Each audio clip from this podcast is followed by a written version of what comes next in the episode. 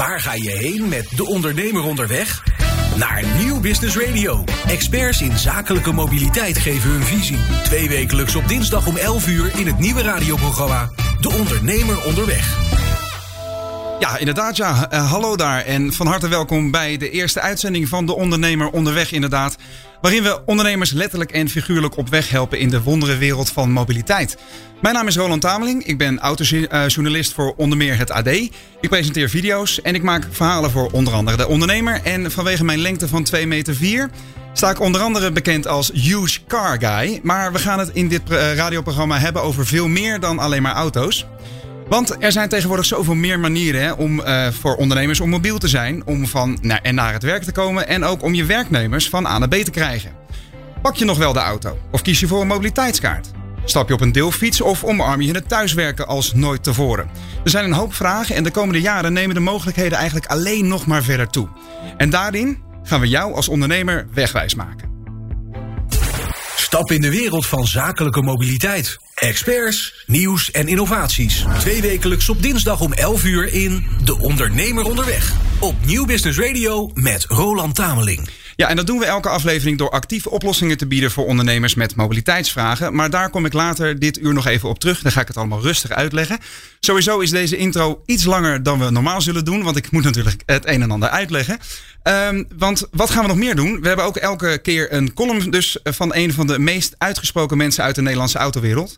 Bas van Putten schrijft al jaren columns voor Autoweek. Heeft ook een fenomenale autorubriek in de NRC. Hij is muzikoloog. Maar vanaf vandaag gaat hij ook bij ons zijn licht laten schijnen op de meest sprankelende en bijzondere zaken die met mobiliteit te maken hebben. Maar dat dus later dit uur. Want eerst gaan we kennis maken met onze hoofdgast. Uh, elke aflevering van De Ondernemer Onderweg ga ik in gesprek met een prominente man of vrouw uit de mobiliteitssector. En ditmaal uh, verwelkom ik Mike Belinfante hier in de studio. Mike, van harte welkom. Tof dat je er bent. Dankjewel, dankjewel Roland. Fijn hier te zijn. Hartstikke goed. Uh, kon je het een beetje vinden trouwens? Ja, ik, uh, ik, liep natuurlijk weer naar de oude studio toe. Dus ik, uh, ik ben nog een beetje aanmächtig aan het hijgen. uh, maar nee, het gaat goed. prachtige nieuwe studio. Dus, nou, Hartstikke goed. Ik, ik zal je eerst even intro introduceren. jij bent Senior Manager Public Relations en Spokesman bij MG Motor Europe. Dat is dus het bedrijf dat het ja, bekende klassieke automerk MG opnieuw op de kaart moet zetten hier in Europa. En dit keer dus niet vanuit Engeland zoals we gewend waren of onder de vleugels van deels BMW, maar onder de vleugels van een, een groot, echt een enorm Chinees moederbedrijf. Um, daar valt een hoop over te bespreken, maar mijn eerste vraag aan mijn gasten is altijd: hoe kom jij van en naar je werk? Ja, nou net aangevlogen met een MG ZS EV, een elektrische auto. En ik ging weg met uh, 250 kilometer range vanuit Den Haag. Ik ja? keurig op tijd om half tien weg, dan eh, ben ik ruim op tijd. En uh, in Hilversum had je een beetje file. Ik heb hem ook een beetje doorgetrapt. Dus ik heb, uh, nou, ik moet hem weer aan de lader zetten, zeg maar. maar ik rij elektrisch. En uiteraard. hou je die 250 kilometer ja. ook op die, op die accu's? Ja, ja, zeker. Als je gewoon 100 rijdt, dat is met alle elektrische auto's zo, dan kan dat prima. Ja. Ga je uh, de rechtervoet wat, wat, uh, wat laten zakken, dan heb je een probleempje. Ja, goed. Hey, en, en, normaal gesproken vertrek je dus vanuit Den Haag en dan ga je naar Amstelveen, hè? want daar zit jullie kantoor. Ja, we zitten nog wel in Amstelveen. Dat is een heel leuk kantoor waar we hebben. Maar we gaan waarschijnlijk naar Amsterdam, naar de Arena. Oké, okay, dus daar, ook daar gaat, een, gaat een hoop gebeuren. Daar gaan we het straks allemaal uitgebreid over hebben. We gaan drie dingen bespreken vandaag met jou. Uh, ik ben heel benieuwd hoe jullie het, uh, het merk MG opnieuw op de kaart gaan zetten hier in Nederland. Hè. Dat gaat alles over branding. Dat is interessant voor ondernemers die ongeveer op dezelfde manier aan een nieuw merk uh, aan het bouwen zijn. Of hun merk een nieuwe impuls willen geven. Daarnaast ben ik heel erg benieuwd wat jij vindt en wat MG en jullie moederbedrijf als visie heeft over de mobiliteit van de toekomst. Maar eerst wil ik het even hebben over jouw persoonlijke carrière switch onlangs. Want jij hebt maar liefst 15 jaar voorheen bij Hyundai gewerkt. de Nederlandse importeur van Hyundai. Maar um, begin dit jaar ben je overgestapt dus naar MG. Mijn eerste vraag is: um, Hyundai is een Koreaanse, Zuid-Koreaanse autofabrikant. Uh, MG is dus van uh, Chinese origine uh, momenteel. Wat kun je vertellen over de verschillen in die twee bedrijven? Ja, dat is leuk dat je dat vraagt. Ik heb 15 jaar bij Hyundai Motor gewerkt. Dat, een prachtig bedrijf. Ik heb daar zowel in de keuken kunnen kijken als bij de Nederlandse distributeur als in Europa. Ja. En daarvoor ben ik in dienst geweest bij uh, Autobink Holding. En daar hebben we ook nog Infinity, het Japanse merk, gedaan. Dat is het, een beetje het luxe merk van Nissan, hè? Ja, exact. Dus ik heb eigenlijk met Japanners, Koreanen en nu met Chinezen van doen gehad. En ik vermaak me kostelijk, moet ik zeggen. En wat zijn de verschillen dan? Kun je die duiden? Ja, absoluut. Uh, nou ja, Roland, een Nederlander en een Belg. Hè, dat ligt toch vlak bij elkaar. Daar zit een, een cultuurgap in, dat wil je niet weten. Dus dat heb je natuurlijk ook met, met, die, met die Aziatische landen. En Korea, dat ligt, als je op de kaart kijkt, tussen Japan en Korea in. En qua mentaliteit? Ja, nou die hebben duizend jaar problemen met elkaar gehad. en dat vergeten ze niet. de Tweede Wereldoorlog, de Japanners. daarvoor hebben de Chinezen toch ook gedacht dat Korea een deel van China was. Mm -hmm. uh, dus die, die hebben zich ongelooflijk anders gemanifesteerd dan de Japanners. De Japanners ondergrondelijk, vind ik, mystiek. Mm -hmm. En een Koreaan is na die oorlog ook door Engelsen en Amerikanen hebben ze een hele andere westerse mentaliteit geadopteerd. Waar zie je dat dan in terug, zeg maar, in de manier waarop jij met die Koreanen gewerkt hebt? Uh, Ze zijn directer dan? Ja, directer, toch nog wel mystieker. Ik bedoel, de, de, de Chinees is veel directer. Ja? Uh, de, ik wil, maar laat ik maar verhaal afmaken. Een Koreaan zegt, die, die, die, heeft ons eigen groepje. We hebben een Koreaanse schil rond het bedrijf en die moeten met elkaar het eens zijn en dan moeten ze het delen. Mm -hmm. een, een, een Chinees die heeft altijd haast, lijkt wij. En hij, uh, we hadden een heel mooi verhaal hadden we gemaakt. En toen zei uh, Eden, de, de vice president, waar ik onder val. En die zei, joh, laten we even de bullet points doen.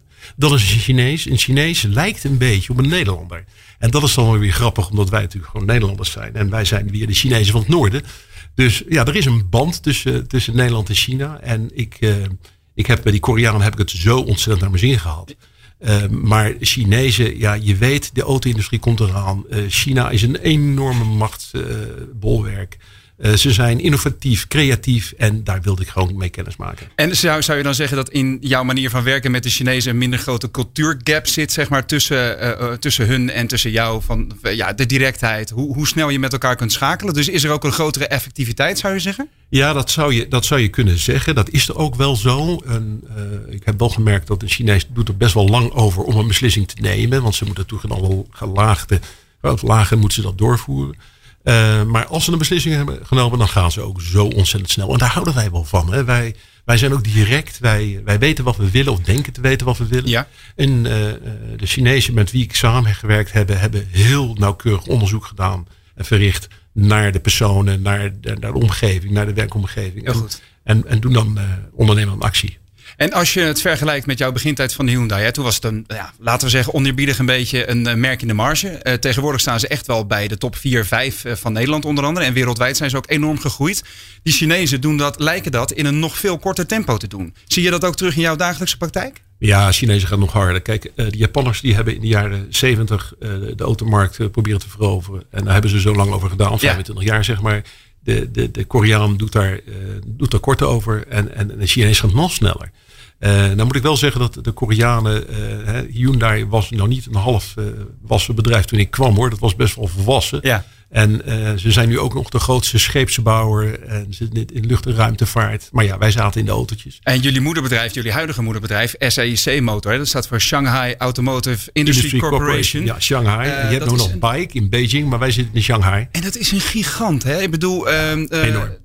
de omzet, of nee, de winst zelfs, 122 miljard dollar afgelopen jaar. Ze hebben 6,2 miljoen auto's verkocht. Zeg maar, op wereldwijde schaal is dat gigantisch. Um, maar jullie in, in Amstelveen zijn eigenlijk een soort start-upje. Hè? Ja, dat is ook zo. Kun je me even meenemen naar hoe dat gaat bij jullie op de vloer? Ja, nou het is geweldig. En dat is ook eigenlijk waar ik ongelooflijk veel energie van krijg om bij zo'n nieuw bedrijf te werken. Saik is natuurlijk inderdaad uh, groot. Hè? Dat is bijna 7 miljoen uh, auto's. Dit jaar iets teruggevallen met corona. MG is gewoon een muisje. We zijn nog helemaal niks. nee. Uh, en we moeten daar ook niet uh, een grote borstklopperij gaan doen. Hè. We hebben het net gehad over Engeland. Daar is natuurlijk MG uh, groot geworden. Dat is een affordable sportscar. Iedereen was er verliefd op. Alleen het is gewoon met die hele auto, Britse auto-industrie gewoon helemaal kapot gegaan. Ja. Die Chinezen hebben dat opgepakt en hebben gezien van oké, okay, we gaan MG opfrissen. We gaan het redesignen en we gaan het elektrisch maken. Ja. Want elektrisch is het toverwoord voor nu. We moeten een beter milieu hebben. En we moeten daar mobiliteit toch gewoon ook beschikbaar maken voor Precies. iedereen. Maar over die branding uh, van ja. MG gaan we het zo nog even, uh, even okay. hebben. Ik ben nog even benieuwd naar wat voor bedrijf jij dan aantreft als jij in Amstelveen binnenloopt. Je hebt mensen uit allerlei windstreken, vertelde je.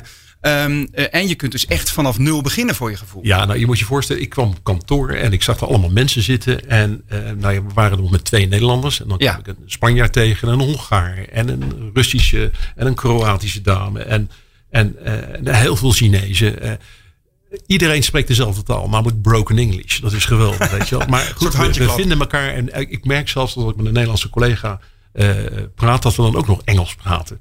Uh, maar er zit ongelooflijk veel energie in die groep. Uh, we werken aan iets nieuws aan een nieuw merk. Elektrificeren, we hebben één model hè, nu, Roland. Precies. Daar gaan natuurlijk heel veel aankomen, dus daar ga ik je straks over vertellen. Ja, even, even nog heel snel. Wat is jouw doel, kort gezegd? Om MG op de kaart te zetten. Dat we niet een Brits merk zijn met een verleden. Maar we kijken vooruit naar een Chinees-Britse combinatie. Maar vooral Chinees. Elektrificatie elektrisch rijden mogelijk maken voor De toekomst dus eigenlijk. Nou, daar gaan we straks nog even verder over hebben. Uh, Mike, dankjewel voor nu. Um, ja, dat is een, een bijzonder interessant verhaal. Mike Bellefante van MG Motor Europe. Straks meer. Stap in de wereld van zakelijke mobiliteit. Experts, nieuws en innovaties. Twee wekelijks op dinsdag om 11 uur in De Ondernemer Onderweg. Op Nieuw Business Radio met Roland Tameling. Ja, straks dus meer over Mike Bellefante en zijn werk bij MG. Maar eerst is het tijd om het verkeerslicht op groen... of de treinseinen of de fiets van het slot te halen zoals je wilt. Uh, voor de man die een unieke blik heeft op alles wat met mobiliteit te maken heeft... jullie aandacht voor de column van Bas van Putten. Dames en heren. Ik las me in over de toestand van de Duitse auto-industrie. Die is niet best. Corona raakt de hele industrie, de hele samenleving. De pandemie wordt een enorme aanslag op de bestedingsruimte van vooral modale kopers. Die bestellen nu al geen nieuwe auto's meer, maar kiezen voor goedkope occasions, zie de verkoopcijfers. Terwijl de overheid juist wilde dat we allemaal elektrisch gingen rijden. Kleine zijsprong. Ik stond voor een gewone mensenflat in Groningen. Op het parkeerterrein uitsluitend piepkleine autootjes. Een Daihatsu Cuore, een Hyundai Atos, een Nissan Micra. Allemaal van gezegende leeftijd, soms met een beetje roest. Ik dacht, dit zijn dus de dwergen die gewone mensen met lage inkomens net kunnen opbrengen. De gewone mensen die ze in boardrooms nooit tegenkomen. En allemaal zullen die op een goed moment een stekkerauto moeten kopen. Hoe dan? Want de goedkoopste Renault Twingo Electric kost al ruim 20.000 euro.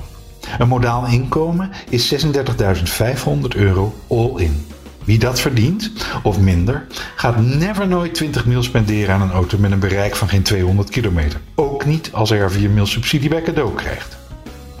Die wil vanuit het Groningse in één ruk Zandvoort kunnen halen. Net als de zwaar gesubsidieerde Tesla leaserijders. Gelijke monniken, gelijke kappen. Akkoord. Een zuinig driecilindertje voor de helft dan maar? Wordt lastig. Op de onderste sport van de autoladder brokkelt het aanbod immers af.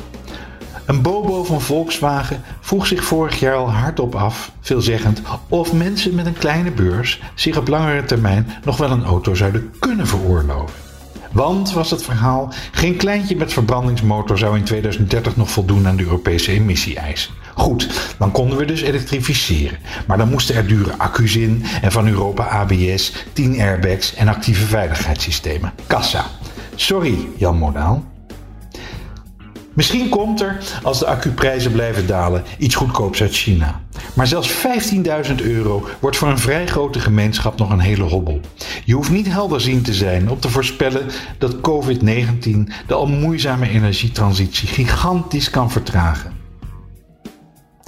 Wat zal er in 2030 voor die Groningse flat staan? Ik doe een gokje. De crisis is voorbij. De woningmarkt trekt weer aan. De ooit spotgoedkope huurappartementen staan te koop. Voor drie ton. Er wonen geen middelbare mensen met bescheiden banen en cuores meer, maar jonge, hoogopgeleide stellen zonder auto. Die kon er naast de studieschuld en de krap aangefinancierde tweeverdienershypotheek echt niet meer bij. De oude bewoners zijn verhuisd naar een seniorenwoning in het laatste dorp zonder betaald parkeren, Noordoost-Groningen. Daar staan hun stokoude Japanse derdehandsjes hun tijd uit te dienen.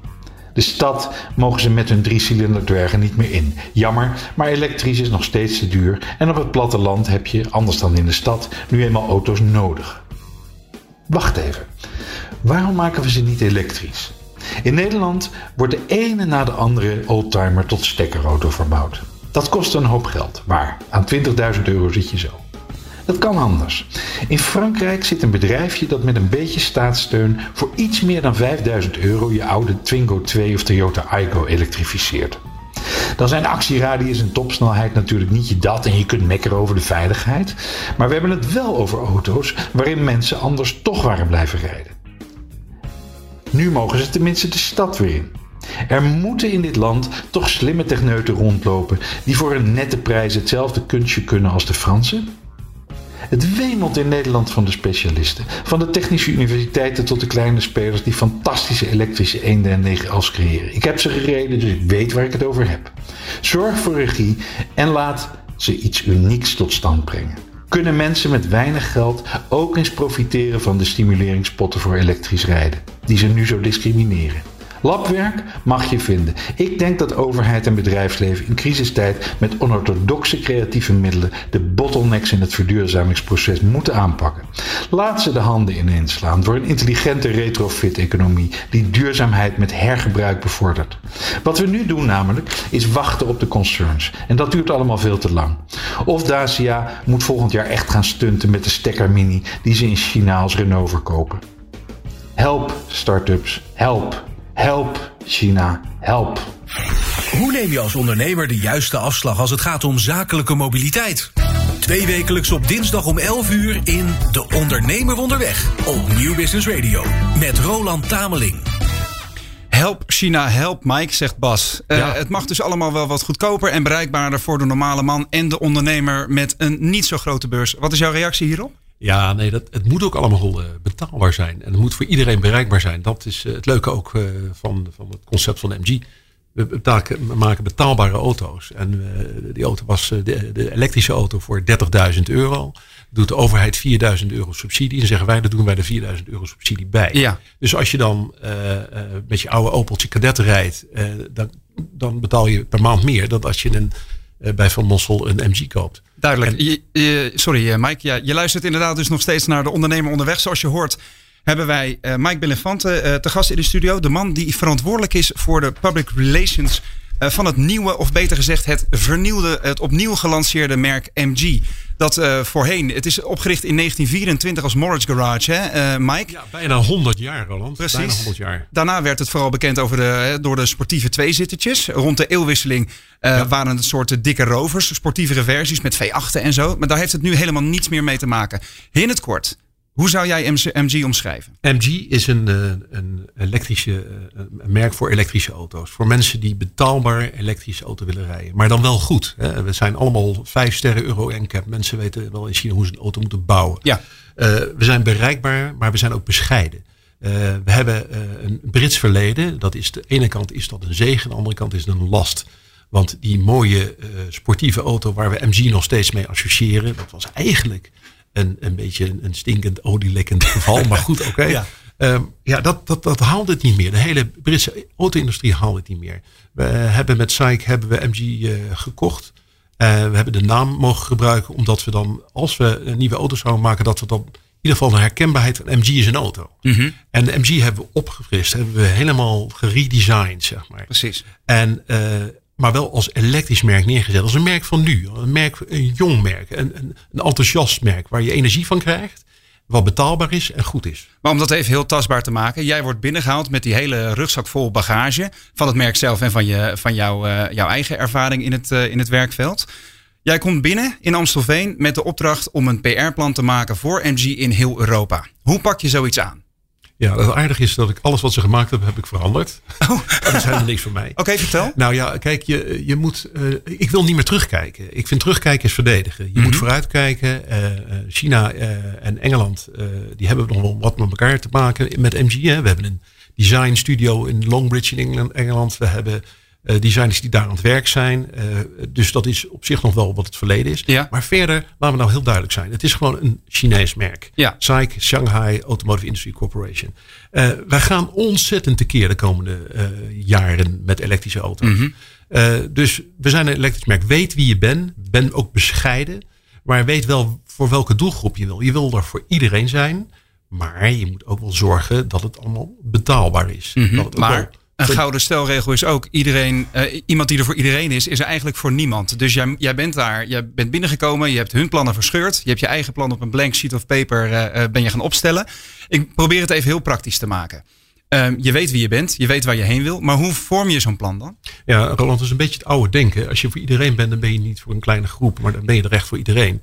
En dat is, dat is het oude denken. Kijk, wij zijn elektrisch rijden moet betaalbaar worden. Moet, moet beschikbaar zijn. Hè, moet ook, eh, de auto's moeten er gewoon zijn. Ja. Uh, maar je begint natuurlijk bij de landen waar het goed gaat. Dat is Nederland. Uh, met Van Mossel gaat het uitstekend. Dat is de importeur voor de duidelijkheid. Ja. De partij die, ja, die waar je dus eigenlijk je auto's koopt hè, ja. in Nederland. En we hebben er in 2019, oktober zijn we gestart hebben we de 1200 verkocht. Dit jaar gaat het natuurlijk nog veel harder, ondanks de corona-ellende. Ja.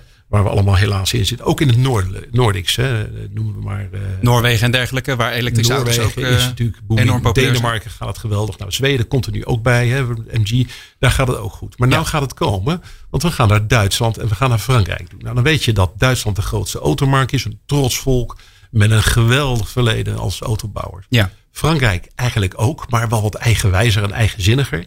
Nou, daar gaan we ook heen. Um, maar dat moet je op een hele andere manier doen. Dus uh, ik heb gezegd, oké, okay, laten we nou al iets wat heel groot is, laten we dat nou in delen klippen. Dus we hebben voor Nederland hebben we een plan. En dat gaat hartstikke goed. Onze country manager uh, Jurgen uh, Helming, die doet dat fantastisch met zijn mensen van Van Mossel. We worden daar en nu het grootste elektrische privé verkopende merk zijn we nu. En dat is het plan. Dus eerst richten op de privékoper. Ja, beschikbaar zijn eh, voor de privékoper. Want die mhm. zakelijke rijder, die kijkt of die auto nou uh, 60.000 euro of 40.000 euro 30, maakt voor die zakelijke rijder niet heel veel uit. Lang leven de lage bijtelling. Dat is enkele tientjes. Ja, ja. wordt natuurlijk allemaal gesubsidieerd. Mhm. In andere landen hebben ze gelukkig een wat logischer uh, plan. En uh, nou ja, daar zijn dus andere belastingtarieven. Maar het gaat erom dat je nu naar Engeland of naar, naar, naar, naar Duitsland gaat. En uh, daar kennen ze die ZS helemaal nog niet. Er zijn wel een paar tests geweest van, van die mensen van Autobiel bijvoorbeeld. Ook mm -hmm. Sport. Die wilden weten hoe dat in elkaar zit. Nou, wat ik nu bedacht heb is we gaan uh, de auto naar de journalist brengen. Wij laten het niet naar ons komen. Je kent het verhaal van Mohammed in de Berg. De Berg komt nu naar... naar, naar de... Je pakt het groots aan hoor ik Nou al. ja, maar weet je, je moet, je moet gewoon ook wel bescheiden zijn. En dat je niet een Porsche 911 nu komt hebt, maar een MG. Wat wel fantastisch is, maar je moet er wel naartoe gaan. Mm -hmm. Dus als wij iets zoeken of als iets willen, dan moeten we er naartoe komen. Dus we gaan nu een, uh, een testrit uh, in, uh, in Duitsland doen. Dan brengen we de auto's naartoe. Dan hebben we een heel leuk feestpakketje voor die mannen bedacht. Een feestpakketje, vertel? Ja, met allemaal een, een petje en, en, en, en, een ladertje. En, maar het leuke is dat we de auto en de lader dus gepimpt en COVID-19-proof naar hen brengen. Zeg van, joh, ga er lekker een week in rijden. Uh, dit is het persbericht, hier staat de informaties, daar zijn de foto's. Veel plezier ermee. Dus je hebt een manier, eigenlijk een soort klein mini-eventje bedacht om op te vallen. En daarmee dus ook een soort meer service te brengen naar de mensen die jou moeten gaan helpen om het merk meer te laten landen bij het publiek. Ja, nou ja, wat we, dat precies. En we willen een beetje opvallen. Dus nou ja, wat doe je? We hebben best wel aardig budget, want in China weten ze er wel raad mee. Maar je moet daar wel mee om kunnen gaan. Ja. Dus we hebben bedacht, hè, die Coca-Cola truck die je met de holidays zou komen en zo. Nou, ik denk, weet je wat dat wordt? Een MG-truck. En maar wij komen naar je toe. Dus we laten die MG helemaal met, met kerstlichtjes en zo laten door Duitsland rijden. Mm -hmm. Met het logo erop. Daar zit een auto in. En natuurlijk bij toevallig autobeeld komen we die auto langsbrengen en zeggen hoe geweldig zijn. Ja, je moest, moeten daarom lachen. We getroosten ons veel moeite. En dan komen we een beetje op die lijstjes. Maar mensen moeten vooral de auto leuk vinden. Nou, daar hebben we natuurlijk een heel branding en, en marketingteam voor. Om, om, om dat te laten zien hoe en goed. over de mensen heb je het dan wel de, het publiek, de het particulieren en de ondernemers. De journalist is natuurlijk één, die gaat het verhaal van, van, van ons vertellen. Mm -hmm. uh, maar het gaat om betaalbare mobiliteit, uh, bereikbare mobiliteit. En uh, het moet goed zijn. Het moet veilig zijn. Nou, als je die drie, vier elementen kunt bundelen, ja. dan doe je het wel hartstikke goed. Ik ben ook nog wel even benieuwd naar de merkperceptie. Hè? Het publiek kent deels, een, het, het wat oudere gedeelte van het publiek kent MG als de auto's die we net uh, omschreven. Maar de mensen die net hun rijbewijs hebben, de, de 18, 19-jarigen, die hebben zoiets van MG, uh, Chinees, daar moet ik helemaal niks van weten. Hoe doorbreek je dan de vooroordelen of de oude gedachten rondom je merk? Ja, nou dat is, dat is niet, niet heel makkelijk. Omdat je als je iets eenmaal in je hoofd hebt, dan verandert dat niet snel. Nee, als je nu ziet, hè, want uh, China werd natuurlijk altijd geassocieerd met, met veel, met nou niet de beste kwaliteit. Maar dat is natuurlijk wel aan het veranderen. Ook die Chinezen hebben de laatste tientallen jaren gezien dat ze kwaliteit moeten leveren. Anders, anders worden het nee, niet. Dus, uh, dus, ook zij denken aan, denken aan de langere termijn. Ja, dat moet je ook. En je moet ook zorgen dat je, uh, dat je goede producten levert. Daar begint het mee. Uh, SAIC Motor maakt 6, 7 miljoen auto's, waaronder 2,5 miljoen Volkswagens, Chevrolets, Cadillacs, Buicks. Allerlei joint ventures. Skoda's. Ja. Uh, en, en daarnaast hun eigen product. Dus ze hebben inmiddels wel geleerd, ook van die Duitsers, hoe ze een auto in elkaar moeten zetten. Hè? Dus dat is gewoon goed. Die eerste Chinese auto's, die Brilliance, die kwam al twee sterren en was gewoon niet Mhm. goed. De Deze landwind weten we allemaal nog wel. Die opfrommelde als een patatbakje tijdens de crashtest. Nou ja, precies. Ja. Dat wil je natuurlijk niet. En wij hebben een, eh, MG, met MG een 5 sterren Euro NCAP geteste auto. Mhm. Gewoon een hele kwalitatief goede auto. Nou, als die dan ook nog eens zeer betaalbaar is, nog leuk uitziet, ruim is, ja, dan heb je de helft al gewonnen. Ja. En dan moet je dus de mensen gaan uitleggen dat eh, de Chinees inmiddels gewoon kwalitatief goed bezig is. Gaan dadelijk mensen geloof ik naar Mars sturen of zo. Dan moet je wel iets kunnen. Dat doe je niet met een Atari-computertje. Ze hebben, eh, je bent daar volgens mij geweest. Zeker. Als je die fabrieken ziet en de gedachten van die mensen. De, bijna de hysterische bezetenheid.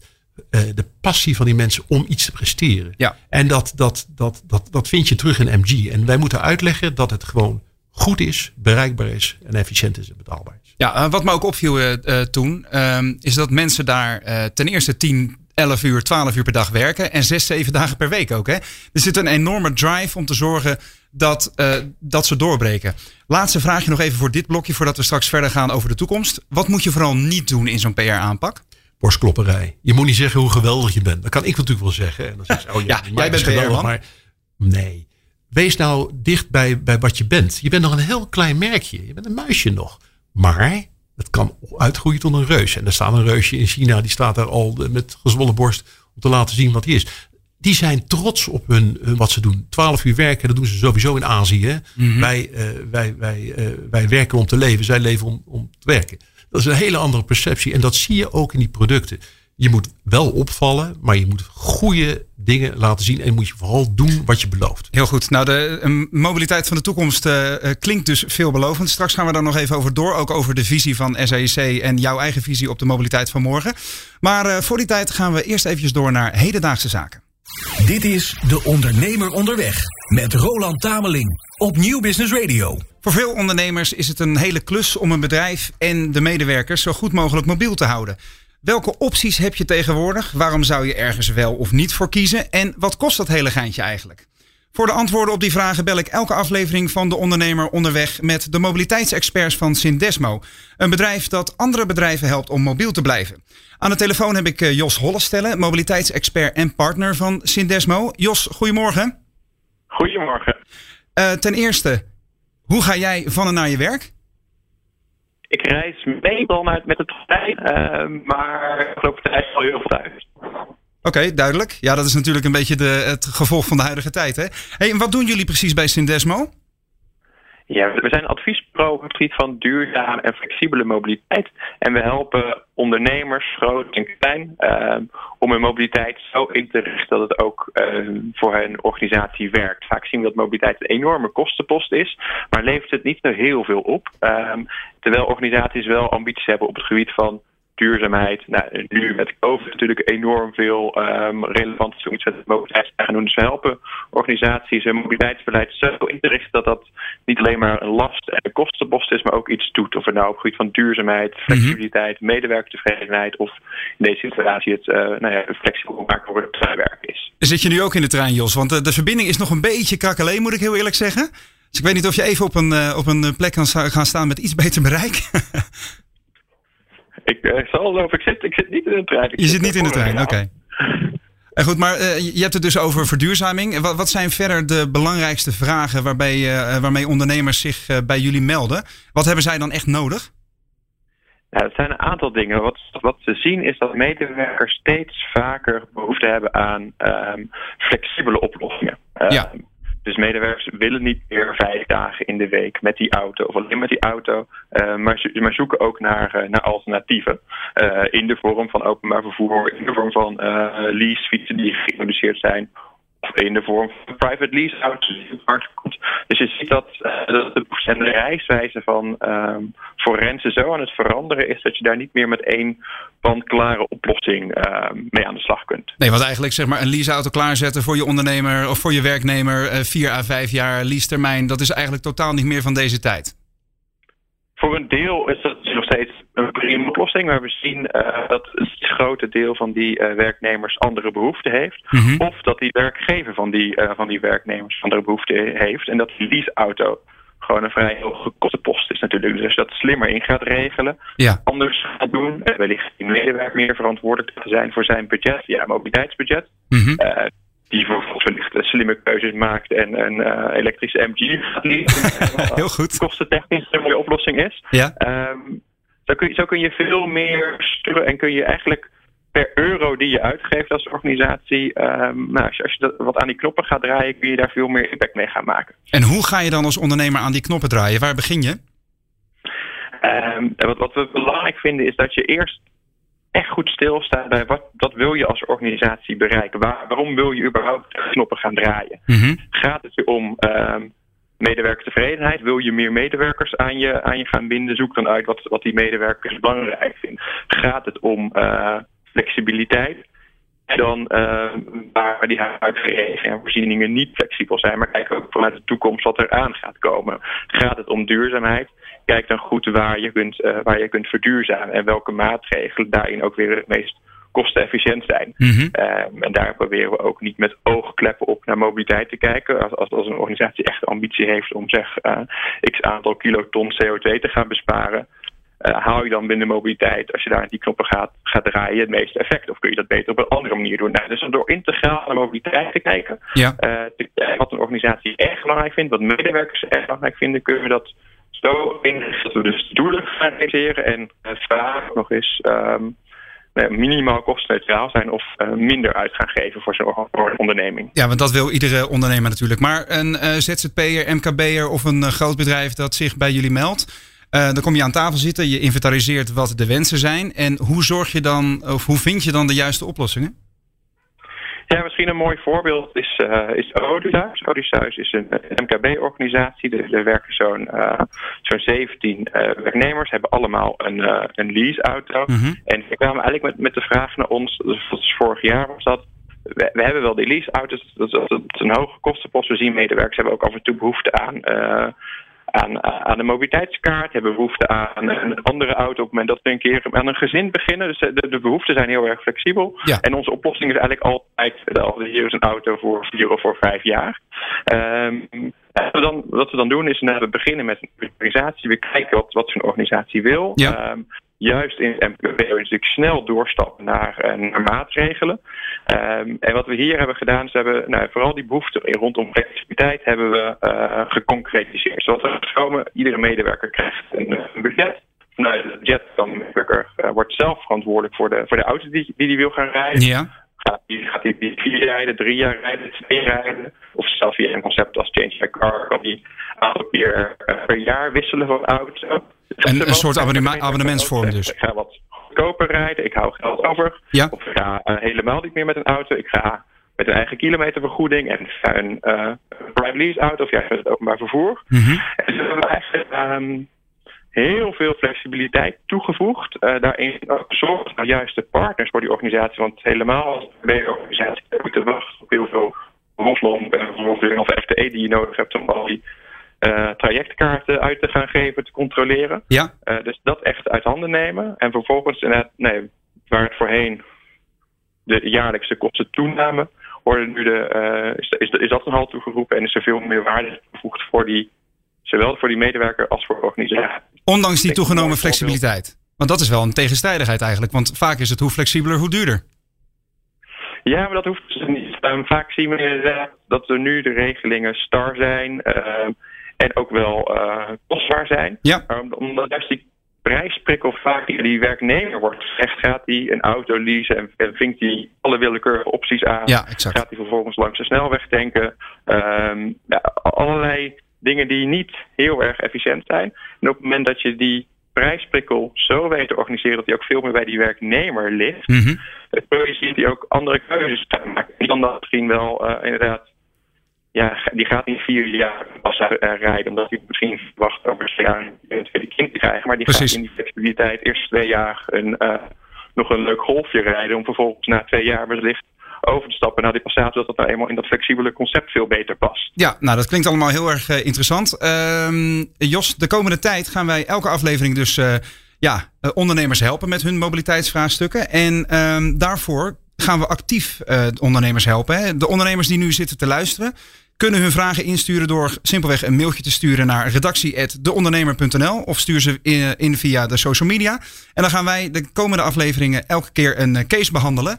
Jos, ik wil je voor nu hartelijk danken en ik nodig je van harte uit in de studio de volgende keer, want dan hebben we in ieder geval een feilloze verbinding. Maar dankjewel voor je tijd nu. Stap in de wereld van zakelijke mobiliteit. Experts, nieuws en innovaties. Twee wekelijks op dinsdag om 11 uur in De Ondernemer Onderweg. Op Nieuw Business Radio met Roland Tameling. Je luistert naar De Ondernemer Onderweg. In de studio is nog steeds de gast Mike Belinfante, Senior Manager Public Relations en Spokesman van MG Motor Europe. Mike, in het laatste eh, gedeelte van ons eh, gesprek wil ik het graag hebben over de toekomst. Um, want jullie hebben een roemrijk verleden, maar je gaf net zelf al aan, ik wil naar de toekomst kijken. Uh, in de notendop, wat gaan we verwachten? Ja, die toekomst, daar gaat het toch om, Roland. Weet je, het, terugkijken is leuk, hè? je hebt je kinderjaren of zo, maar je wil vooruitkijken. En dat doen wij ook. Uh, we gaan, hebben al aangekondigd dat we nu dus die elektrische auto hebben, die MG ZF. Er komt een HS, een plug-in hybride aan. Ja, die is ook al aangekondigd. die is al aangekondigd. Die komt in januari op de markt hier bij Van Mossel. En ja, dan gaat het beginnen. Dan het spel wagen, zeg maar. Uh, dan krijgen we drie elektrische auto's. En dat zijn niet de eerste de beste. Uh, we gaan wel in die SUV-wereld kijken. Want dat is de meest lucratieve sector op het moment. En dat wil, nee, maar dat wil iedereen ook hebben. Ja, precies. Weet je wel, je bent gewend aan de ruimte. En, en je gaat niet meer uh, opgekropt in je Nissantje 350Z zitten zoals ik dat af en toe doe. -huh. Dan denk je, ja, weet je, laat ik nou eens lekker rijden. Maar er zijn ook segmenten die zijn nog helemaal niet aangeboord. Die zijn nog helemaal niet niet elektrisch. Ja, daar gaan we natuurlijk ook naar kijken. Daar kan ik niet te veel over vertellen. Nou ja, goed, ik kan me Jawel, hier mag je alles vertellen. Ja, hier mag je alles vertellen. Nou, kijk, um, er zijn meer uh, modellen dan, dan een SUV. En uh, je ziet dat alles wat elektrisch is momenteel een SUV is. Maar ja. er, zijn, er zijn andere... Maar hebben we het dan over de, de, het kleine segment zoals Bas net aankondigde? Jongens, maken elektrische auto's voor het volk. 15.000 euro? Exact, okay. natuurlijk moet je dat ja. doen. Kijk, het gaat om een aantal elementen. Het gaat om betaalbaarheid. Mm -hmm. Het gaat om beschikbaarheid. Het gaat om veiligheid en dan nog een stukje design hebben. Maar dat, dat, dat betaalbaar zijn, daar, daar gaat het toch om. Je wilt toch niet dat niet iedereen kan betalen, zeker met deze coronatijd, Roland? Ja, maar een beetje droom is ook niet weg, hè? Want als je onderneming goed loopt, wil je jezelf misschien wel een keertje kietelen. En ik heb ook al studiemodellen voorbij zien komen van MG van een uh, sportwagen. Ja, het is ongelooflijk. Dan kijk, we bestaan uh, 19 of 19 zit ik nog steeds. Ik ben een oude man natuurlijk. 2024, 100 jaar. Ja. En ja, dan zijn we 100. Dat is ongelooflijk. Dat gaan we toch vieren. Nou, en we hebben al een emotion. En daar zit al emotie in. Een ja. conceptcar, geweldig apparaat. Maar Roland, het moet wel betaalbaar zijn. Mm -hmm. En zeker in deze coronatijd, wou ik net zeggen, wil ik net zeggen, is dat al die voetballers die honderden miljoenen verdienen, nou ja, tientallen miljoenen verdienen. Mm -hmm. uh, die, die grote Duitse auto's, die, die, die natuurlijk fantastisch zijn. Maar waarom zou je 120, 130.000 euro uitgeven? Als je het ook voor 40, 50, 60.000 euro doen. Of nog veel minder. Ja. En dan hebben we het over zeer mooie auto's en zeer luxe auto's. Dus ik denk dat een beetje de poenerigheid door de coronavirus uit deze maatschappij uh, geschopt wordt op een harde handen manier. Oké, okay, en we hadden het net even met Jos ook over de flexibiliteit. Uh, ik zie dat ook wel echt toenemen in de, de wensen van het publiek. Afgelopen november was ik in Shanghai en daar zie je ook dat SAIC bezig is met allerlei nieuwe manieren om auto's naar de consument te krijgen. Uh, ze hebben daar Smart Spider, een, een systeem waarin je zeg maar in de showroom op een digitale zuil je auto samenstelt. Kan kiezen tussen vijf verschillende grilletjes voor je auto. En Waanzinnig. 31 dagen Waanzinnig. later staat die auto voor de deur. Ja. Um, ten eerste, mijn vraag is: wat gaat er op dat vlak gebeuren vanuit jullie? En kunnen wij uh, uh, initiatieven verwachten op het gebied van autodelen, van uh, zeg maar die flexibiliteit in het bezit of het gebruik van een auto, waardoor de consument blij wordt in de toekomst? Ja, ik denk dat je alles kunt verwachten van ons wat je nu net zegt.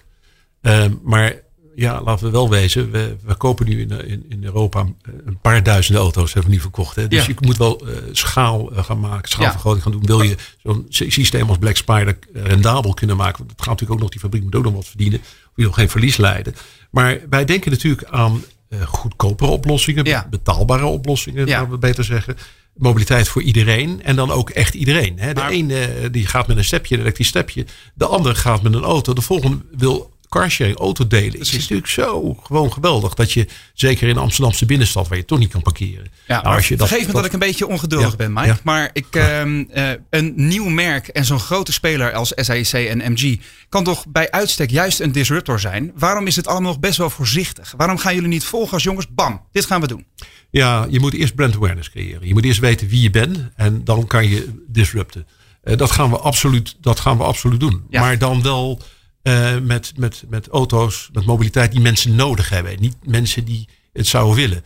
Weet je wel, vroeger was het al zo van voordat de auto kwam dat ze allemaal paarden rijden. En als je dat dan aan een mens had, dan hadden ze een snelle paard willen hebben. Nee, ja, nee, dat ja. werd een auto. Ja. Uh, dus mobiliteit uh, in allerlei vormen. Uh, geen persoon is dezelfde. Heeft een andere behoefte, mobiliteitsbehoefte. Mm -hmm. dus dat kan zijn een stepje achterin, een elektrisch stepje achterin je auto, wat al opgeladen is. Dat kan carsharing zijn. Dat kan uh, betaalbare mobiliteit zijn. Dat kan uh, op drie wielen, op twee wielen zijn. Ja. Uh, maar er moet ook nog wat slimmere oplossing. Iedereen loopt met die gare telefoon in zijn handen. Daar kan je er ook dingen mee doen. Hè? En dat gaat ook gebeuren. Wat bedoel je dan?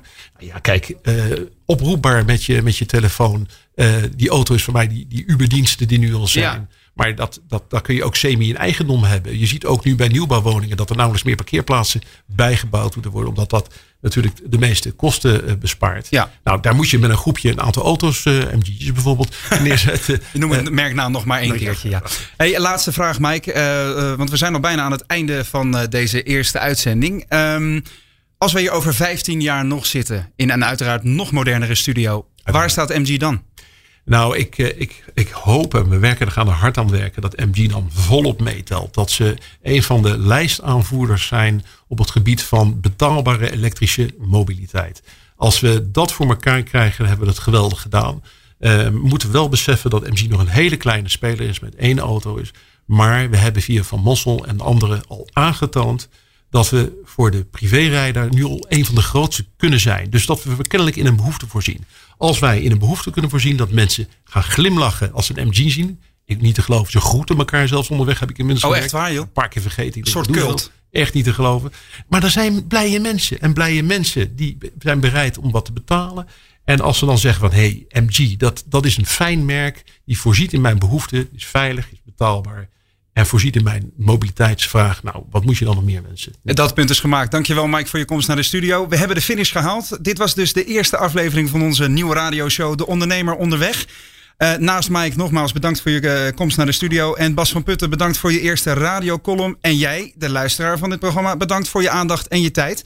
Ik uh, nodig je van harte uit om met ons mee te doen. Want de ondernemers van Nederland geven mede de input voor deze show. Uh, wil je de aflevering nog eens rustig terugluisteren, uh, geheel of in delen, dan kan dat. Elke aflevering van De Ondernemer Onderweg komt ook beschikbaar als podcast op alle bekende podcastplatforms en via deondernemer.nl slash podcast. Wil je ondertussen meer interessante nieuwtjes en achtergronden over mobiliteit voor ondernemers? Houd dan ook vooral onze website deondernemer.nl in de gaten. Mijn naam is Roland Tameling. Ik dank je hartelijk voor het luisteren en graag tot de volgende. Goeie reis! Stap in de wereld van zakelijke mobiliteit. Experts, nieuws en innovaties. Twee wekelijks op dinsdag om 11 uur in De Ondernemer Onderweg. Op Nieuw Business Radio met Roland Tameling.